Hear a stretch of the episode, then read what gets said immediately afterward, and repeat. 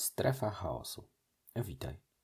Z dzisiejszego odcinka dowiesz się, jak można poradzić sobie z wszechogarniającym bałaganem, jak z nim, a nawet w nim żyć. Wszystko to opakowane w pseudofilozofię i konkretne życiowe przykłady, czyli orientacja wewnętrznego ja w rzeczywistości, która z samej swej natury przytłacza autystyka.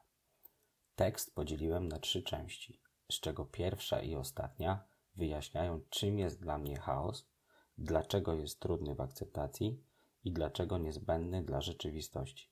Jeśli szkoda ci czasu na głupoty, to przynajmniej zapoznaj się ze środkiem.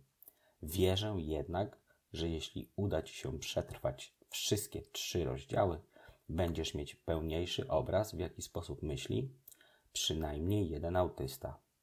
Ach, i jeszcze jedno. Gdybyś chciał podobnych publikacji więcej, to jeśli możesz, pozostaw jakiś znak. Poprzednie, suma summarum, 7 komentarzy na YouTube. Wszystkie przeczytałem i za wszystkie dziękuję. Mogą być też negatywne, nie przejmuję się. Bez krytyki człowiek się nie rozwija. To miło wiedzieć, że ktoś po drugiej stronie słyszy lub słucha, a być może nawet wysłuchał. Wstęp. Na początku był chaos. Ponad dwa tysiące lat później ktoś na małej latającej skale mógłby zapytać: Ale kiedy to było? I co to jest ten początek? Początek czego? Czy początkiem był start wielkiej ekspansji, rozreklamowany jako wielki wybuch, pomimo że nie miało co, w co, a nawet kiedy wybuchać? Czy może początkiem było wciśnięcie guzika przez wyrostka admina w ich nim odpowiedniku gimnazjum, by rozpocząć symulację świata jako formę pracy domowej? A może początkiem była myśl niepojętego bytu, akt woli, pstryknięcie palcami przez brodatego dziadka, jak go nieraz personifikujemy. Zdania na ten temat są podzielone, ale mimo problemów z tą kłopotliwą definicją, chyba wszyscy są zgodni, że rozpoczęło to erę chaosu, bo z jakiegoś powodu światem kwantów, czyli tego, którego nie umiemy organoleptycznie dojrzeć, tego po względnym wyklarowaniu, ostygnięciu, nadal rządzi losowość. Więc chaos właśnie. O, weźmy na przykład taki sobie dowolny, niepozorny atom. Na pewno już o nim kiedyś słyszałeś. W środku znajdziemy jądro złożone z protonów i neutronów, do tego elektrony, które krążą wokół, tegoż jądra, prawda? No właśnie nieprawda. Model planetarny, którego uczą w szkole, to fake news. Wszystko jest niepomiernie bardziej skomplikowane. Nie wiemy, jak dokładnie poruszają się elektrony, natomiast potrafimy jako tako przewidzieć i obliczyć prawdopodobieństwo zmian przez nie powłok energetycznych, do których są magicznie przyklejone, a które można sobie wyobrazić jako chmury. Nie wchodząc w zbędne szczegóły, nie wiemy, kiedy dany elektron znajdzie się w tym konkretnym miejscu w przestrzeni, w tej konkretnej chwili. I choćby tylko ta jedna losowość, to nasz tytułowy chaos, no dobra, ale co z tego? Co mnie to w ogóle obchodzi? Jak prawdopodobnie zapyta większość zniecierpliwionych ludzi. Konsekwencje tych zjawisk są stale odczuwalne dla nas wszystkich, tutaj w makroświecie. Tylko w zabieganiu z troskami dnia codziennego nie zdajemy sobie z tego sprawy. Na przykład kolor jakiegoś przedmiotu, chociaż to kiepski przykład, ponieważ kolory nie istnieją, to tylko interpretacja naszego mózgu długości fal odbijanych od powłok. No i każdy widzi je inaczej. To może ten będzie lepszy. Nasze myśli to dane, zapisane w nieznany sposób w galarecie gdzieś pomiędzy uszami. I tak jak w komputerze z krzemu, miedzi, aluminium, złota, srebra, silikonu i plastyku są wynikiem przekazywania ładunków elektrycznych, czyli elektronów. A więc do pewnego stopnia są losowe. A skoro już jesteśmy przy mojej ulubionej informatyce, to możesz sobie wyobrazić taki spontaniczny przeskok ładunku gdzieś tam z jednej komórki do innej w SSD, w komputerze pod biurkiem. Rodzaj nośnika danych następca znanego pewnie wszystkim, przynajmniej ze słyszenia, dysku twardego, czego wynikiem może być na przykład kolorowa, pikselowa smuga na zdjęciu. Jak widzisz, ta losowość to poważna kwestia i chaos towarzyszy nam wszędzie od zawsze. Co gorsza, lub raczej dla nas wszystkich na szczęście, z tego enigmatu wyłania się względny porządek, który daje się opisywać i zarządzać. 2 plus 2 równe 4, spadające jabłko na głowę Newtona i takie tam sprawy bąbel bezpieczeństwa. Kontynuując, albo takie przykładowe krzesło ustawione oparciem równolegle do biurka. samo się chwilę nie przestawi do drugiego pokoju, pomimo że kubka materii, z którego jest ulepione, stale się porusza i przemieszcza, jak wszystko. Dopóki ktoś umyślnie nie zmieni jego położenia, nie będzie trzęsienia ziemi, powodzi wojny, nie spadnie meteor lub cokolwiek dowolnie innego nie przytrafi ze zbioru makroprzypadłości, możemy śmiało założyć, że z naszej ludzkiej perspektywy krzesło zostało przyporządkowane współrzędnym przestrzeni przez jego posiadacza i już tam pozostanie aż do zmiany tej decyzji. Zwykłym ludziom może się to wydawać zupełnie bez znaczenia. W końcu dalece tolerują losowość, a nawet jej oczekują. Bo któż oprócz mnie lubi wiedzieć, co się wydarzy, na przykład w oglądanym filmie? Ale dla niezwykłych jest gwarantem spokoju lub chociaż utrzymywania niepokoju na możliwie stałym, niskim poziomie. Nieprzewidywalność jest frustrująca. Gorzej, bo nawet przewidywalność nieprzewidzianego też jest frustrująca. Aby ci to czytelniku lepiej zobrazować, wyobraź sobie taką oto scenkę rodzajową. Uczeń zostawił na swoim biurku w domu ołówek leżący w konkretnym miejscu. I kiedy pisze o konkretnym miejscu, to potraktuj to dosłownie. Ależ wiem, nie, neurotypowi mają problemy z ro, rozumieniem dokładnego znaczenia słów, bowiem jest to dla niego miejsce bardzo konkretne. Niech będzie, że leży pod kątem 45 stopni w odległości zakończenia gumką 2 cm względem jednego z boków biurka i dokładnie pod zwisającą z góry lampką. Niechaj będzie i też tak, że oba przedmioty są w odcieniach tego samego koloru więc do siebie pasują estetyczno-matematycznie. Owy uczeń, mając tyle lat, jest już świadomy, że są różne zdarzenia losowe. Konkretna lista przewidzianych, które mogą objąć swym złowieszczym działaniem ten nieszczęsny ołówek podczas nieobecności w domu. Tak, przykład odnosi się do czasów, kiedy dzieci wyganiano na spędy do budynków oddalonych od legowiska, a nie jak dziś zaganiania do komputerów na elekcje czego akurat ten nasz Żak nie przewidział. Mama, odkurzając pokój, zmieniła położenie ołówka. Mogła trącić biurko, a ten lekko się sturlał. Mogła zahaczyć ręką. Mógł to być też podmuch wiatru, bo akurat było lato i okna były otwarte. Ale, no dajmy mu w końcu imię. Jaś. Nieprzypadkowo, jak z serii tych dowcipów o niegrzecznym i skorym do nadużywania inwektyw w oryginale, tego nie przewidział. Jego zdolności w tym zakresie nie są jeszcze na tyle rozwinięte, by budować skomplikowane drzewa zależności. Więc o ile jest już świadomy, że zostawia bazę bez kontroli i może ona już nie wyglądać dokładnie tak, jak ją zostawił, to nie wie, że może wyglądać z innego powodu, czyli spoza listy i nieprzewidywalnie inaczej. Na przykład nie wynikającego ze złośliwości rodzicielki, a zwykłego przypadku, pamiętasz, chaosu, Trudno przewidzieć, że akurat skomplikowany system klimatyczny Ziemi będzie mieć tak trywialną manifestację na biurku Jasia.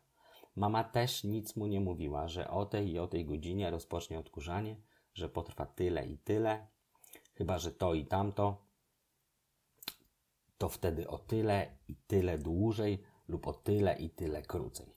Skoro już obie postacie zostały umieszczone na kursie kolizyjnym, to pozostało tylko czekać na erupcję wulkanu emocji związanych z głupim ołówkiem po powrocie syna ze szkoły.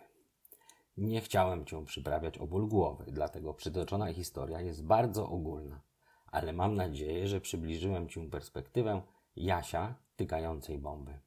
I to też nie jest tak, że chłopak od razu się uzewnętrzni, ale różne czynniki stresogenne mogą się zazębić i matka może nawet nie wiedzieć skąd taka, a nie inna reakcja. Pociecha może nie zakomunikować powodu, uważając, że to oczywiste, dlaczego się tak złości, a rodzicielka może nie zauważyć, że ołówek został przesunięty i że ma to jakiekolwiek znaczenie dla kogokolwiek. Z perspektywy ofiary, która nieświadomy jest też agresorem, ktoś zniszczył bezpieczny układ.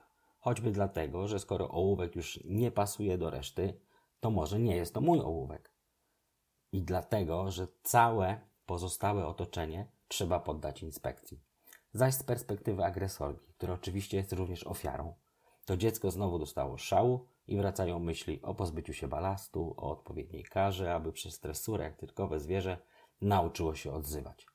Oprócz uzyskanego ewentualnego pożądanego efektu, toksyny poczucia niesprawiedliwości i nienawiści pozostaną do końca życia, więc chyba nie warto. O nieszczęśliwym losie, o tym, by umarło przede mną, to akurat tytuł książki wymowny, więc wolałem nie czytać. Skoro życie jest tak nieprzewidywalne, bo mimo najszczerszych chęci wszystkiego przewidzieć przecież nie można, to jesteśmy wszyscy narażeni na zmiany i będziemy ich stale doświadczać, czy tego chcemy, czy nie. To trudna rzeczywistość. Nienawidzę nagłych zmian czegokolwiek, czego wcześniej nie zaplanowałem, bo zwykle są to zmiany na gorsze. Ten chaos sprawia, że nie wiem, co może wydarzyć się za chwilę, za 10 lat czy za 99. I niepokój o te wszystkie zmiany stale mi towarzyszy. Przedmioty się zużywają, ludzie się pojawiają i odchodzą. Nawet bakterie czy grzyby walczą o miejsce dla siebie i mają niebagatelny wpływ na nasze życie. Pantarei. Jak więc funkcjonować w tak wrogiej rzeczywistości? Radzę sobie z tym tak, że podzieliłem świat wokół mnie na dwie strefy porządku i nieporządku. W wielkim tyglu losowości stworzyłem sobie bąbel bezpieczeństwa. Pogodziłem się z tym, że nasz zewnątrz jest po prostu niebezpiecznie w szerokim tego słowa znaczeniu, a w środku tylko lub aż względnie bezpiecznie. Bardzo chciałbym użyć tutaj samego słowa bezpiecznie, ale to jest niemożliwe. Bąbel obejmuje mój pokój, ale w nim także mogą zachodzić zmiany. Pęknie rura, równa się zmiana, która dewastuje jej otoczenie, już nigdy nawet po naprawie i odnowieniu nie da się przywrócić do stanu pierwotnego. Na przykład nie da się uzyskać tego samego konkretnego koloru, który był wcześniej, tych samych śladów po pędzlu, rolce. Sąsiad bruda wyhoduje szwadron prusaków. Równa się zmiana, której nawet boję się sobie wyobrażać. A przecież nie da się odciąć swojego mieszkania od pozostałych w bloku, bo nie da się odciąć od szybów wentylacyjnych, szpar i ubytków w cegłach, murach i tak. Wyizolować od reszty mojej części elewacji. Kradzieje równa się zmiana, której konsekwencją jest totalna zmiana otoczenia. Wszystko poprzestawiane, a drążająco poobmacywane, strata niektórych przedmiotów. Przypadków oczywiście jest całe mnóstwo i wszystkich wymieniać chyba nie muszę. Starałem się pokazać, że nawet największe dbanie o kosmos, w tym moim bąblu, nie zapewnia mi 100% niezmienności otoczenia i nie mam wyjścia, jak tylko się z tym pogodzić i próbować z tym żyć. Tak jak kaleka musi żyć z na przykład tylko jedną nogą, z drugą ewentualnie w postaci protezy, jeśli jest bogaty, ewentualnie jeszcze wspiera się kulami, wózkiem inwalidzkim i tym podobne. Ale noga ta prawdziwa już mu nie odrośnie i z tą straszną rzeczywistością trzeba zwyczajnie żyć dalej. Wydaje mi się, że to trafna analogia mieszkam z rodzicami, a więc na przykład jemy ten sam obiad, który przygotowują. Bywa, że wprowadzają nieoczekiwane, idiotyczne zmiany. Na przykład zawsze do ziemniaków i smażonej ryby, otoczonej w jajku z bułką tartą, była surówka z kapusty i marchewki lub ze startej marchewki z cukrem. Pewnego dnia do marchwi dodali ananasa. Lubię i marchewkę i cukier, a także ananasa, ale niekoniecznie w takiej konstelacji. Połączenie różnych składników w różny sposób oddaje inny smak a jak inny smak, to już zupełnie inna potrawa. Idąc dalej tym trokiem rozumowania, skoro pytałem wcześniej, z czym dzisiaj ryba, możliwe znane mi i lubiane przeze mnie kombinacje są dwie, włączając w to gatunki ryb. To byłem przygotowany na to, że będzie tak, a nie inaczej. Tymczasem zostałem postawiony przed faktem dokonanym. A reklamacje kończą się zawsze tak, że mogłem nie żreć, jak mi się nie podoba i że jeszcze będę kiedyś ze śmietnika jadł. Pewnie myślisz, że byłem pretensjonalny. Trochę pewnie byłem, ale nie jestem niewdzięcznym gnojem paniczym. Choć tylko dlatego, że nikt mi o tym nie powiedział. Nie miałem jak się przygotować psychicznie do tej z pozoru błahej zmiany. Poza tym, po co marnować jedzenie, kiedy wystarczyłaby prosta informacja i równie prosta informacja zwrotna, że akurat dziś nie zjem surówki z takiego a takiego powodu.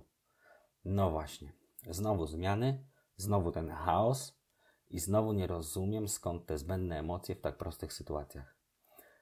Temperatura też ma znaczenie. Bardzo lubię buraki, ale tylko jednej firmy, ewentualnie zrobione samemu. Na zimno. Za niejadalne uważam na ciepło. Tak samo truskawki ciepłe to obrzydlistwo. Więc jeśli są, to jem tylko takie prosto z lodówki, ponieważ nawet ogrzane do temperatury pokojowej uważam za niedobre. Inny smak równa się zupełnie co innego albo kartofle. Mogą być całe, mogą być zglizdowane, mogą być rozgniecione na miazgę i okej, okay, tylko chciałbym o tym wcześniej wiedzieć. To po prostu jest bardzo komfortowe i stąd właśnie bąbel bezpiecznej strefy ogranicza się tylko do mojego pokoju, bo tylko tam większość elementów otoczenia może pozostać taka sama przez wiele lat i tylko tam mam na to wpływ. Na ulicy oczywiście panuje chaos, ale głównie dotyka mnie hałas, bo a to tubylcze żule wyzywają się lub tłuką ostatnią kroplę eliksiru stanu nieważkości, a to dresiarze rozkręcą pseudo-muzykę na cały regulator, oto sąsiad kupi kakadu, akurat nie wiem czy to konkretnie ten zwierz, ale było wielkie i białe, na moje szczęście sam z nią długo nie wytrzymał, biedne ptaszysko. Ratuje się słuchawkami. Swego czasu pracowałem jako tak zwany tester oprogramowania i bardzo mi doskwierało, że nie mam swojego miejsca. Codziennie inne stanowisko, gdzie nawet zmiana tapety na pulpicie pod siebie nie miała sensu, bo następnego dnia mogłem siedzieć przy innym komputerze i konsolach i nawet tej rotacji nie można było przewidzieć, tak aby na przykład wiedzieć, kiedy mi przypadnie moje miejsce. Był też krótki okres, kiedy każdy miał swoje, nieformalnie przypisane ale z kolei nic nie mogłem tam zmienić, bo po resecie wszystkie ustawienia wracały do tego, co admin wymyślił. Tenże na zmiany nie chciał się zgodzić, ale jako nonkonformista poradziłem z tym sobie na swój sposób, czyli włamałem się tylko po to, aby wprowadzić szczyptę personalizacji. Tak oto wyrwałem chaosowi mały kęs na rzecz swojego porządku, ale tylko na ulotną chwilę. Na zakończenie. A co jeśli świat wcale nie jest losowy? Na żadnym poziomie. Co jeśli wszystko, dosłownie wszystko da się obliczyć? Abstrahując już od tego, czy będziemy umieli to zrobić, lub czy w ogóle jesteśmy w stanie to zrobić. Wróć teraz proszę myślami do wstępu, bo właśnie wracamy do początku. Co jeśli nie ma chaosu, a jedynie nie umiemy przetworzyć tak wielu danych do nas docierających, by dostrzec złowieszczy i wręcz monumentalny porządek? Zaraz, zaraz. Dlaczego złowieszczy? Czyż nie uwielbiam kosmosu, a nienawidzę chaosu? Widzisz, i tutaj jest ten paradoks, bo bez chaosu porządek jest ostateczny i nieznośny. Otóż oznaczałoby to, że przy założeniu wszechświata oscylującego, czyli takiego, który stale się rozszerza, by potem skurczyć się do rozmiaru punktu, co by znów ekspandować i ponownie się zapaść, wszystko za każdym razem zostałoby odtworzone. Zupełnie wszystko. Wszystkie interakcje cząstek elementarnych, powstanie Ziemi, ewolucja Homo sapiens sapiens, a nawet ten sam burek załatwiający potrzebę na wycieraczce sąsiada. Wszystkie radości, które przeżyliśmy nieświadomie niczego, przeżylibyśmy ponownie. Wszystkie tragedie, zawody, nadzieje. To byłby ponury świat, w którym kompletnie brak wolnej woli. Mało tego, znów słuchałbyś tego nudnego podcastu i tak co ileś tam miliardów lat. Nieskończenie wiele razy. Ale na pocieszenie powiem Ci, że wszystko wskazuje na to, iż chaos jednak istnieje.